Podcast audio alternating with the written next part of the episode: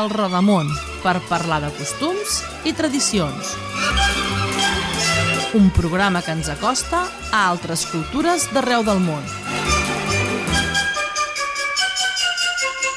Un espai per parlar de turisme i de la gent. El Rodamont es fa amb la complicitat de Maria Roser Par, Mons Milà, Josep Pons, Irineu Castillo, Josep Torrents, Albert Calls, Josep Dalmau, César Escobedo i Manel Sorribes.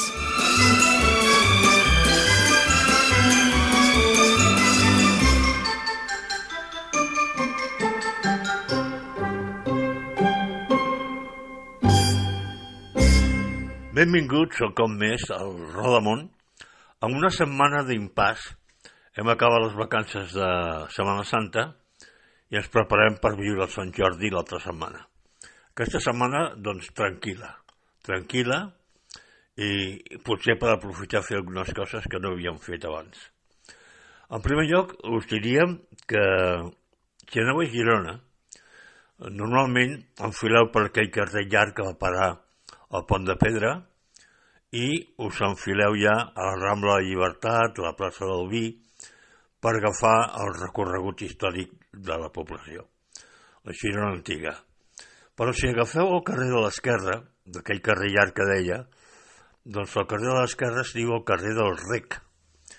I al costat del carrer hi ha una plaça, que és la plaça Mercadal, i jo em vaig quedar doncs, sobtat perquè hi havia una columna de pedra molt gran, amb una lletra, la A, la vocal A, a dalt. Jo, que sóc molt curiós i m'agrada conèixer les coses d'on vaig, li vaig preguntar a un, una persona ja gran que semblava ser de, de Girona, gironí de tota la vida, i li vaig dir el perquè d'aquella columna i aquella lletra A.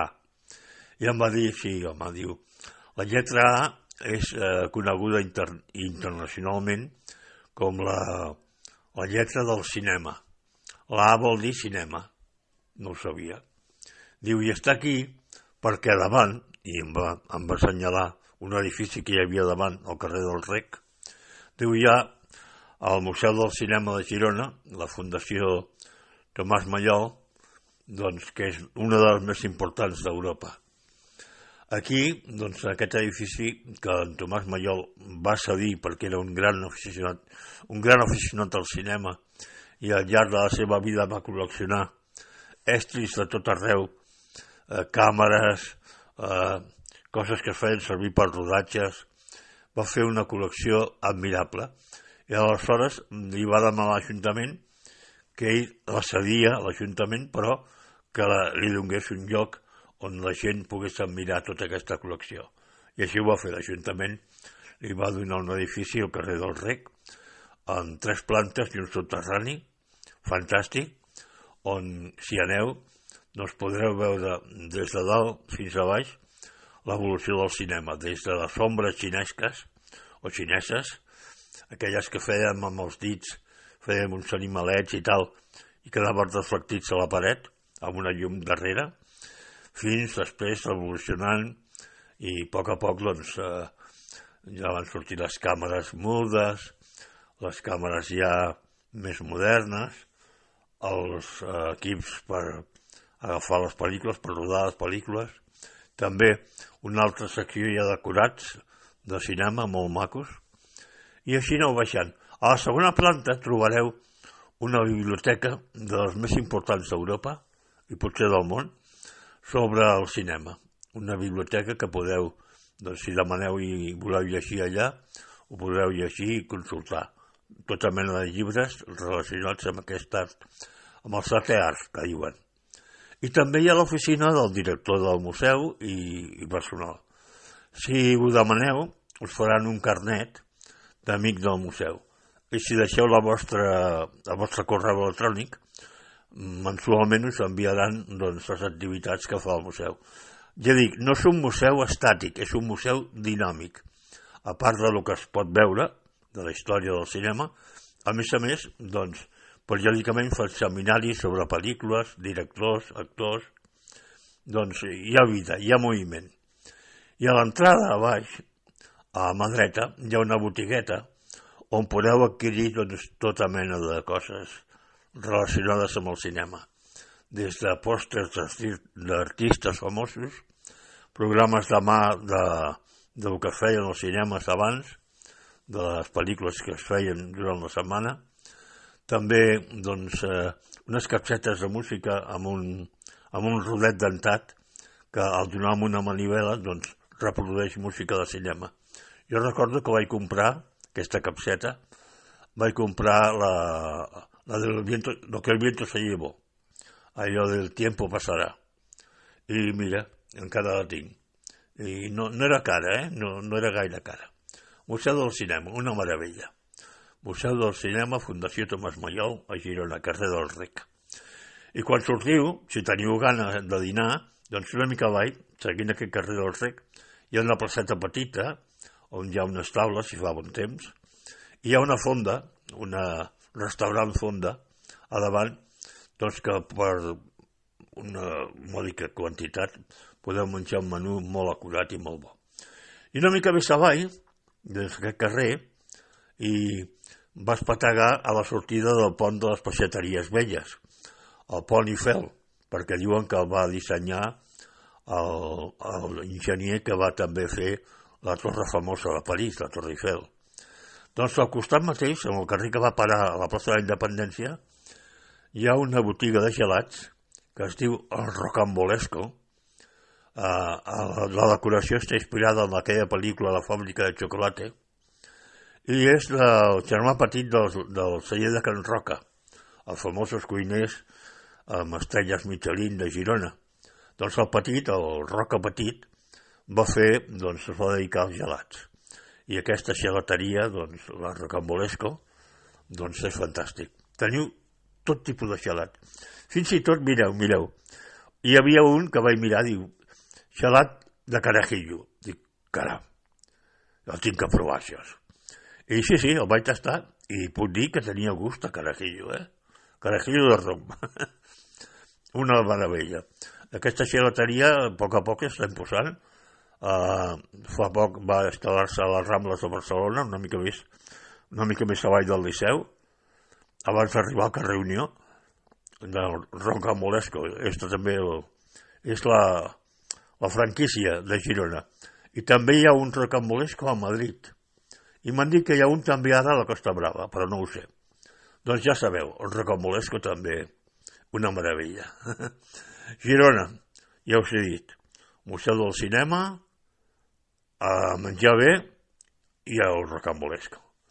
I tot seguit, doncs, direm que ens ha deixat aquesta setmana, aquesta setmana passada, es va deixar el Juanito de, de Pinocho, el mític bar Pinocho de la, del Mercat de la Boqueria.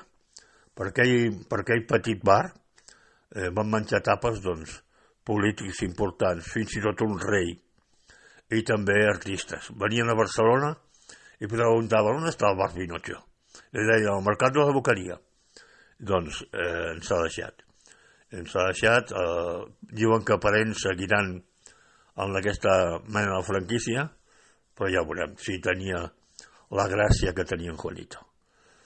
I dit això, doncs no ens queda gaire cosa. He dit que és una setmana d'impàs.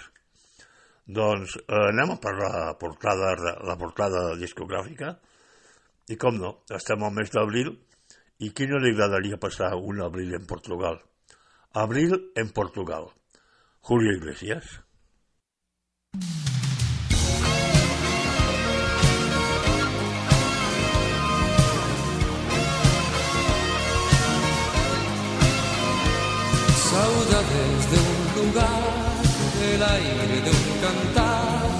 Leyendas que escuchar versos que rimar, un alma, una emoción, un pueblo, un trovador, abril se vuelve una canción. Coimbra es un soñar, Lisboa mi ciudad, Oporto es una noche en fiesta. El fado es el llorar de un pueblo su cantar. Me gusta abrir en Recuerdo aquel lugar, la noche sentía tu querer apenas sin hablar. Saudades que al cantar me acercan más y más aquel abril en Portugal.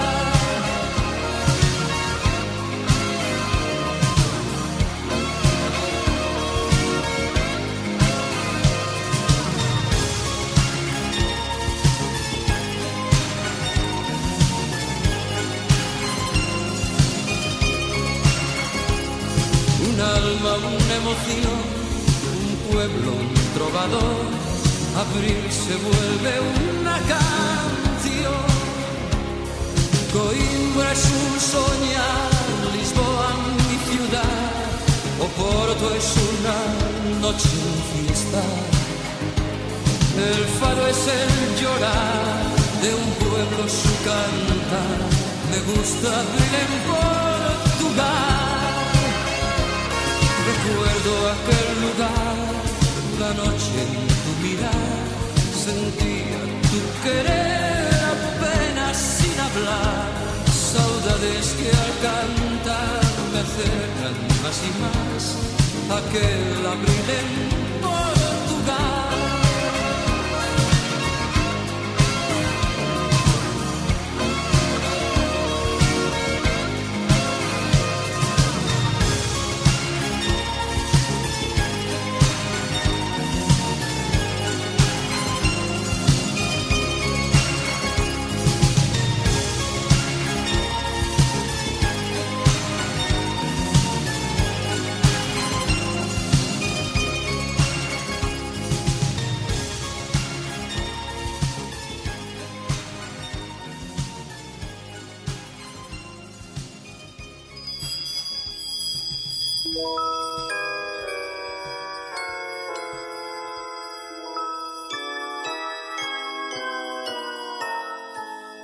I ara, Maria Roser Llopart ens fa un recorregut per als nostres pobles, ensenyant-nos els seus paratges, costums i els llocs més emblemàtics. Amb aquest petit i tendre espai, Geografia és poesia.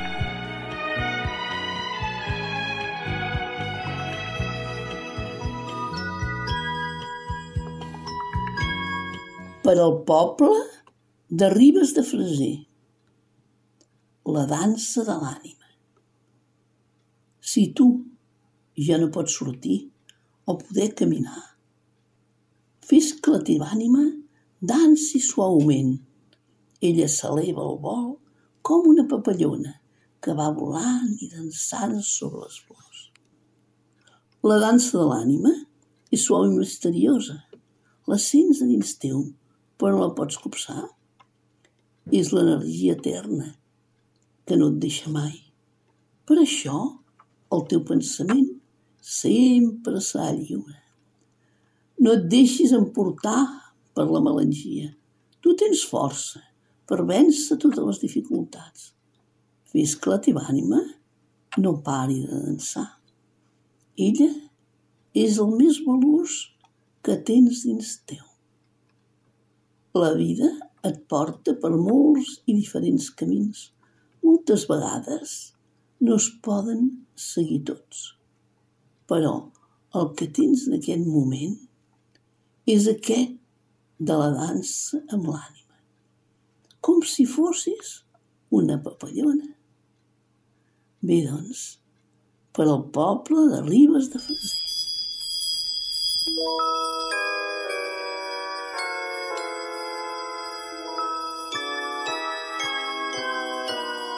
Hem gaudit de Geografies Poesia, un recorregut poètic per als nostres pobles, una col·laboració de la poetesa Maria Roser Llopart.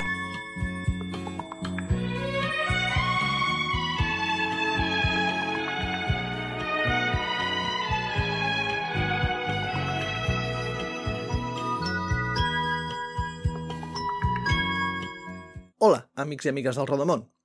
Tinc l'immens plaer de presentar-vos el meu últim llibre, que, editat per Redbook Edicions, es diu Edificis catalans amb història, i que espero que us agradi. Tercer llibre dedicat a la divulgació de la història, la cultura i el patrimoni català que publico sota el segell de Redbook Edicions L'Arca, Amb Edificis Catalans amb Història he volgut fer un tom per les històries, els secrets i les curiositats que amaguen un centenar d'edificis d'arreu de la geografia catalana. Uns edificis que, tot i ser notables per a les comunitats i poblacions que els acullen, no sempre són coneguts del gran públic, el que fa que sovint siguin oblidats dins del marasme caòtic de l'oferta cultural del nostre país. Amb aquest llibre he volgut remarcar que és justament pel profund lligam que les edificacions mantenen amb els seus habitants que totes elles formen part de la nostra memòria històrica. Per tant, al marge de ser més o menys conegudes, totes elles tenen alguna cosa que contar-nos, ja sigui pel que s'hi ha viscut, per qui hi ha viscut o simplement per la seva estètica particular, el que les fa mereixedores de ser reconegudes d'una forma especial. Edificis catalans amb història és una obra que abasta tot el territori català, des de la Gran Barcelona a les Terres de Ponent, passant per Tarragona i les Terres de l'Ebre a Girona i la Costa Brava, sense oblidar la Catalunya central, el Garraf, el Maresme o el Penedès. Un compendi d'edificis de tota època que, amb l'esperit de servir de guia a les persones amants de la història i el patrimoni del nostre país, disposa de totes les dades de contacte i d'ubicació de cadascun dels immobles tractats. Així les coses, amb edificis catalans amb història, us vull convidar a visitar edificis tan particulars com el Walden Set de Sant Just d'Esvern, el Castell del Remei a Panelles, el Monestir de Sant Jeroni de la Murtra a Badalona, el Palau de, del Baró de Quadres a Barcelona, el Casino de Manresa o la Casa Coll i Regàs de Mataró, entre molts d'altres. Unes construccions on descobrirem mil i una històries que íntimament lligades al territori i la seva, i la seva gent ens ajudaran a conèixer un passat que ens pertany i que forma part del nostre llegat històric i cultural. Edificis catalans amb història, d'Ireneu Castillo i editat per Redbook Edicions dins de la col·lecció Mil i una curiositats, el trobareu a les grans plataformes i a la vostra llibreria habitual. El proper diumenge, a la vila de Tiana, al Maresme, el nostre company amic ornitòleg aranyenc Pere Alcina impartirà un dels seus tallers sobre el cant dels ocells. Pere, explica'ns una mica a on es farà aquest taller i quina característica especial creus que pot tenir. Aquest taller per aprendre a descriure, identificar i dibuixar el cant dels ocells s'impartirà a la masia anomenada Can Fàbregues, una masia històrica de Tiana, al capdamunt, a tocar de l'ermita de l'Alegria, i ben a prop d'una pedrera que s'ha adaptat com a anfiteatre. Una antiga pedrera, perdó, adaptada, natural, una pedrera al mig del bosc, eh, que s'ha adaptat com a anfiteatre. Aquesta masia l'han comprat uns, uns senyors holandesos que s'han dedicat tota la vida a la promoció cultural i musical i els va interessar el taller i, encara l'enriquim amb música en directe. O sigui, a diferència dels altres tallers que faig pel país, que són de, mm, de quatre horetes i ho faig jo sol, i anem fent cants i fer una passejada. Aquest no, aquest és només la part teòrica, però amb un músic acompanyant-me i que durant la meva explicació m'aturo i ell improvisa sobre els cants que jo he fet. Jo, jo recordo un... A prop de casa tinc un ocell que cada matí em desperta, que em sembla sí. que es diu una puput, eh, que fa pip, pip, pip, pip, pip, pip, pip, pip, Tortura turca, deu ser, no? Ah. Pu, pu, pu, sí, exacte. Uh, aquesta podria ser música, doncs, una mica al blues? Uh, sí, música rítmica, no? Pa, pa, pa, pa, pa, pa. Fins i tot podria ser una mica electrònica, no? Sí. Té un ritme així, psicopat, tu, tu, tu, tu, tu, tu, tu, tu, tu, tu, tu, eh? I Això, aleshores tindreu... És una dels protagonistes de la, de la, de la, del taller d'aquest diumenge, eh? la sí. tortura turca, que la pandèmia diferenciar del tudor, que és una nova espècie als pobles del Maresme. Els pobles, els camps i els boscos hi era, però ara el tenim criant a dintre el poble. És un canvi dels últims 10 anys. Uh -huh. El tudor en fa 5. Si la tortura turca en fa 3, pu, pu, pu, pu, pu, pu, el tudor en fa 5. Uh,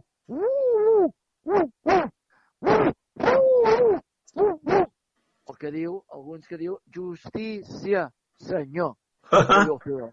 Justícia, senyor, per recordar el cant del Tudó. Molt bé. Aleshores, eh, per accedir doncs, a aquest, a aquest eh, taller del cant dels ocells, tan didàctic, eh, com s'ha de fer? Eh, s'ha de... S'ha d'entrar a la web s'ha d'entrar a la web www, bueno, canreon.com can eh, com Can en català, Can, Sí, sí. eh, Can, reon, r, r e o n punt com. Uh -huh. I si I allà- un...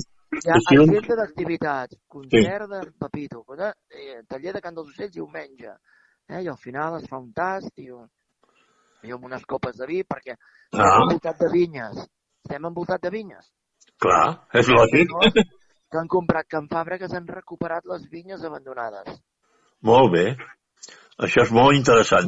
Un... ecològic. Per tant, és bonic perquè, més enllà del meu taller, som en un lloc, amb una Sí. masia que es restaurarà, encara no, encara no està restaurada, i amb unes vinyes abandonades que s'han recuperat totes i se'n planten de noves per fer vi.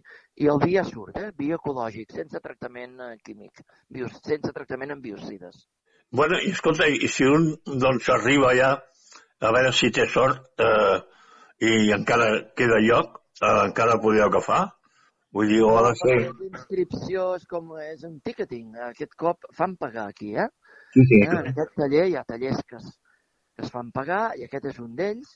Eh? És un preu subvencionat, per, subvencionat pels propietaris, en aquest cas no per l'erari públic, eh? Ja, ja. no? perquè aquell qui s'apunti vingui, s'adreça als nens més grans de 9 o 10 anys, cap amunt, i l'últim que van fer van venir 70 persones.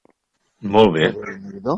Per ser un taller de cants d'ocells. Per acabar, si vols repetir doncs, la, la pàgina web, per si algú no, no ha pogut apuntar, Oi, donem tant, nen? temps, agafeu paper, llapis Sí, apunteu. canreon.com i ara ho dic, ho deletrejo. C de Catalunya, A d'Andorra, N de Navarra, R de Ramon, E d'Espanya, O de Olor Olot. i N de Navarra. canreon.com Molt bé. Doncs, hi sou benvinguts. No sé com van la venda d'entrades, si ja s'han esgotat o no, però a veure, a veure, com més serem, més riurem. vinga, doncs moltes gràcies i endavant. Gràcies a tu i a disposar.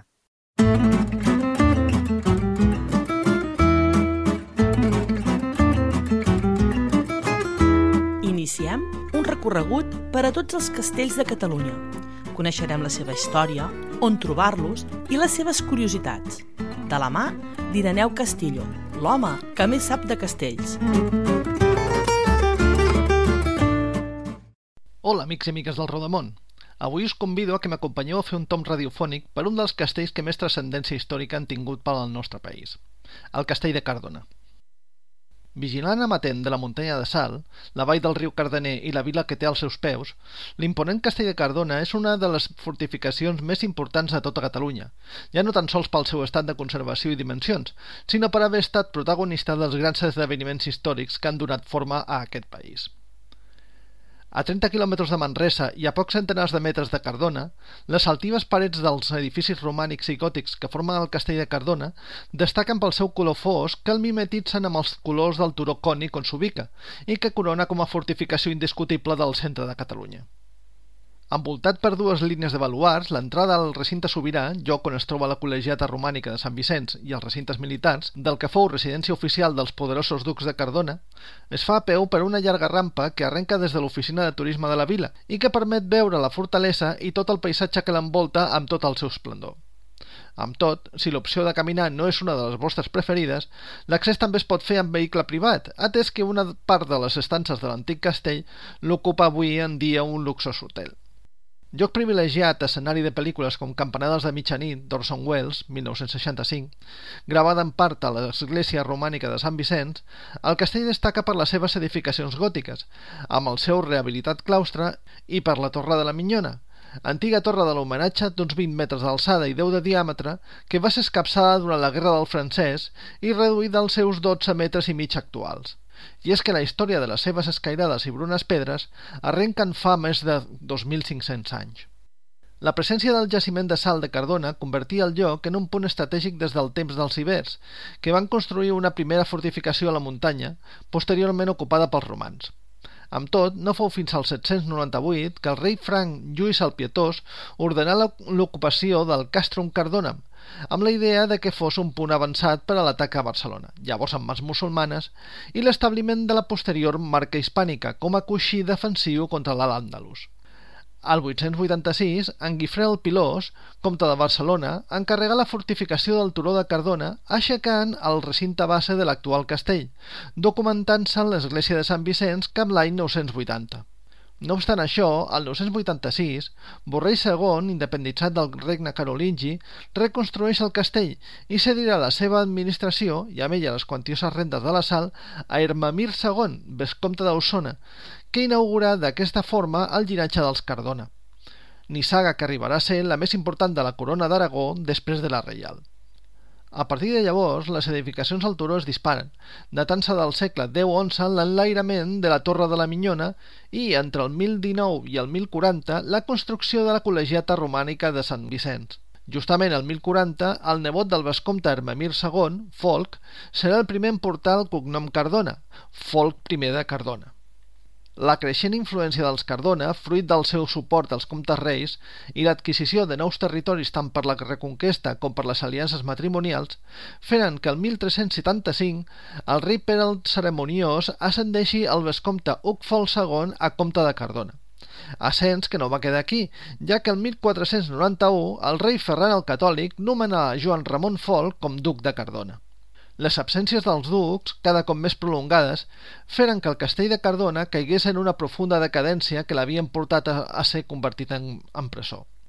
No obstant això, el castell va ser ocupat per tropes franceses durant la Guerra dels Segadors, 1640-1652, que en ser recuperat per les tropes de Felip IV i veure la importància estratègica del castell, decideixen modernitzar-lo, creant una primera línia de baluars.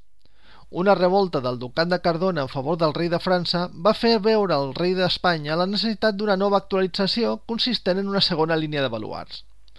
Defenses que van demostrar la seva eficàcia al 1711, durant la Guerra de Successió, quan el castell de Cardona, escrit al bàndol ostracista, resistí un brutal setge de 35 dies de les tropes franceses.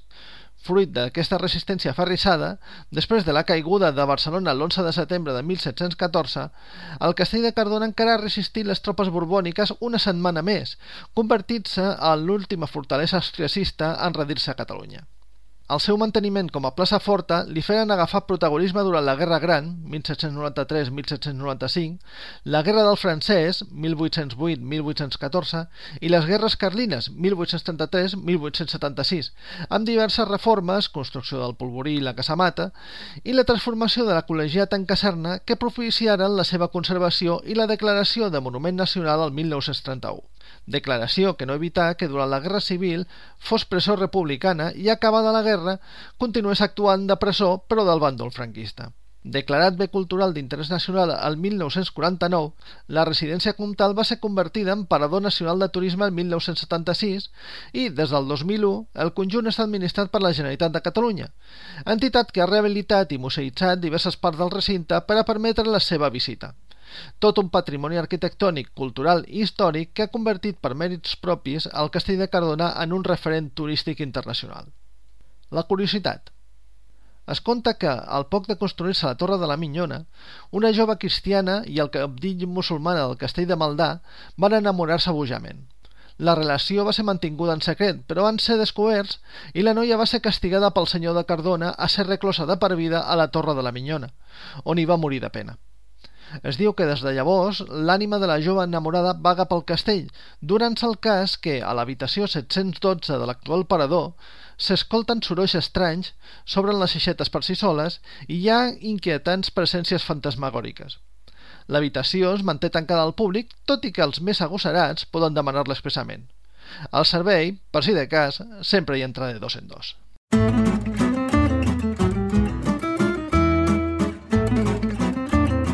Avui hem conegut un dels 2.000 castells que tenim a Catalunya, gràcies a l'historiador i escriptor Ireneu Castillo.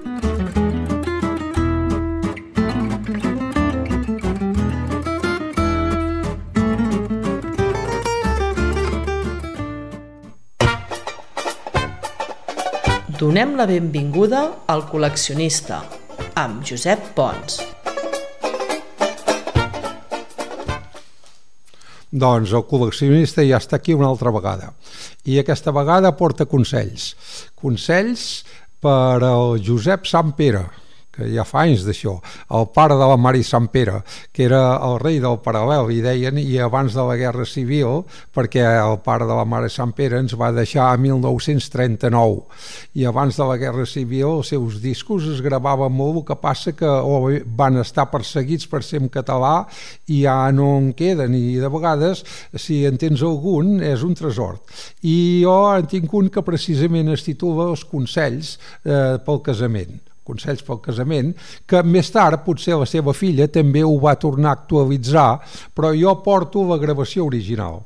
I aquests consells del casament arriba un moment que arriba a la conclusió que el casat és ben bé un burro espatllat, diu això ho diu. I eh, aquí hem d'estar a la White perquè va eh, desgranant una sèrie de poblacions, que sí a Calafell, que sí a Martorell, que sí a Sabadell, que sí a Blanes, que sí a Sant Pol, atenció, a Sant Pol també, i a tot arreu eh, per una unanimitat, eh? El casat era burro espatllat, que de vegades dius, oh, això ho diuen a Osona, però en canvi en el Pla del Penedès no ho diuen, o ho diuen a les Garrigues i en el Maresme sí, allà no, no, no a tot Catalunya, a, a tots els indrets, el casat és ben bé burro espatllat. Doncs escoltem-ho bé, això, eh, que és molt didàctic.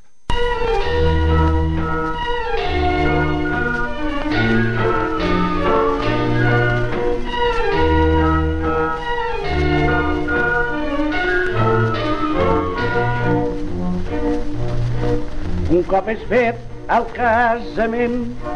Prens un concert amb ton marit i avergonyida innocent.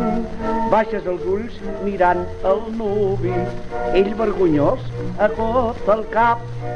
I allò que pensa ja se sap que si el cap baix per ara està. Molt prompte se li aixecarà Noia pensa que és un marit, una creu agradable que l'amor et va dar i te'l creu la primera nit. Saps ben bé que te l'has de carregar.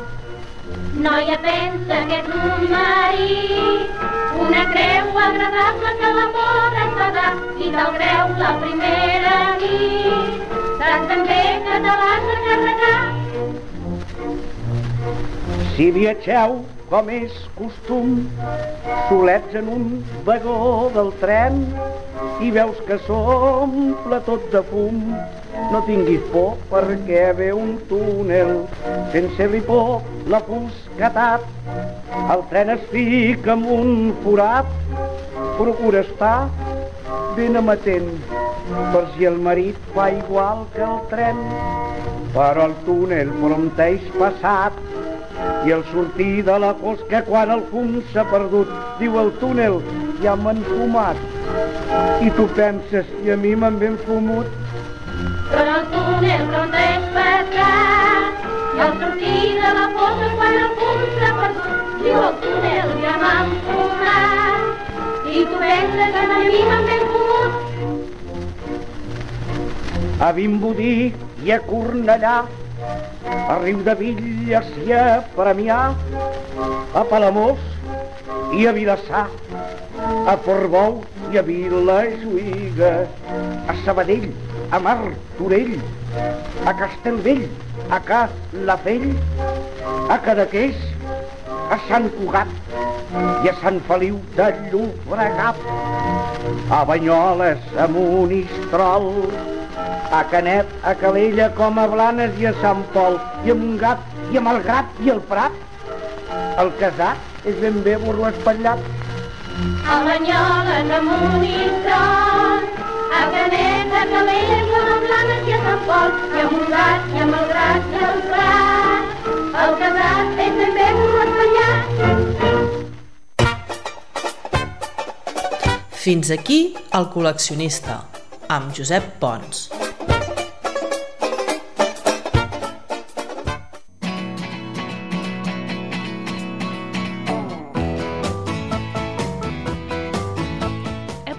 musicals ens descobrirà joies de la música. Josep Dalmau, el nostre company incombustible, ens les presenta.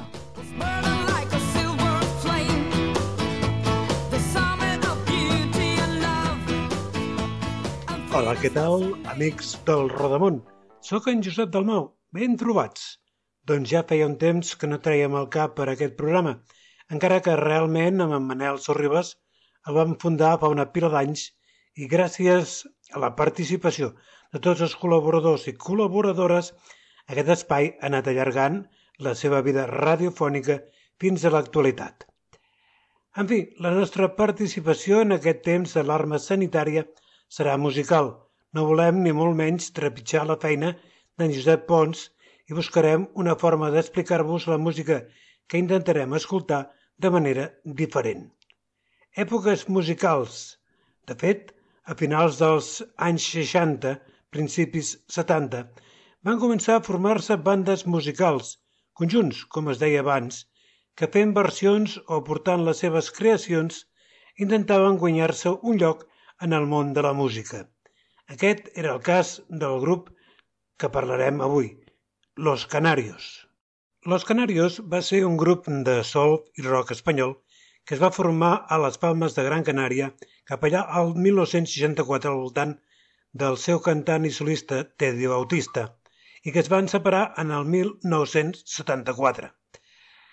El seu més gran èxit va ser la cançó Get On Your Nest, el que fos un guitarrista de la banda en els seus darrers temps, Salvador Domínguez, va incloure dades històriques de la banda en el seu llibre Bienvenido Mr. Rock, los primeros grupos hispanos 1957-1975.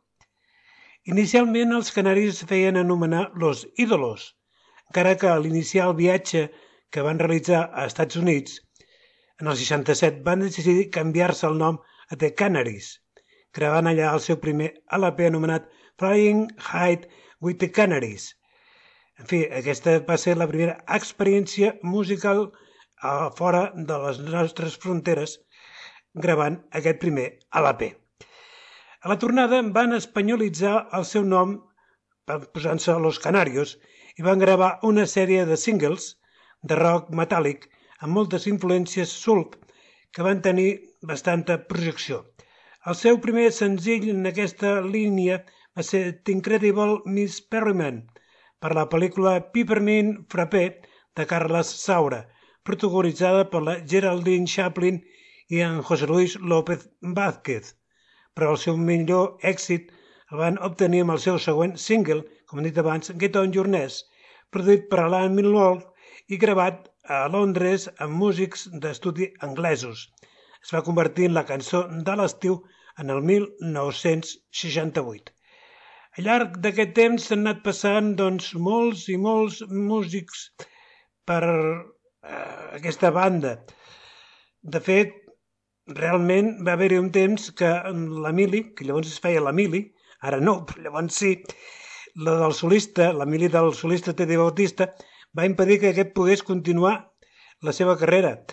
Aleshores va entrar en el grup Pedro Ruy Blas, un home que realment cantava i ho feia molt i molt bé. Pedro Ruy Blas va tenir un gran èxit fora del grup que s'anomenava A los querió el amor. En el 1973, Bautista va decidir refer el grup en nous components eliminant la secció de vent per gravar un disc de rock progressiu o sinfònic, que seria el darrer LP del grup. Es va anomenar aquest LP Ciclos i estava basat en les quatre estacions de Vivaldi. Després de la desaparició del grup en el 1974, Teddy Bautista va desenvolupar una llarga carrera com a gestor cultural. Al presidir el Consejo de Dirección de la Societat General de Autores i Editores, la SGAE, durant 16 anys, fins que va tenir que abandonar aquest lloc com a conseqüència de la seva imputació en el anomenat Caso Saga, una investigació sobre una, sobre una trama delictiva presumptament desenvolupada en l'ESGAE per ell i altres set directius.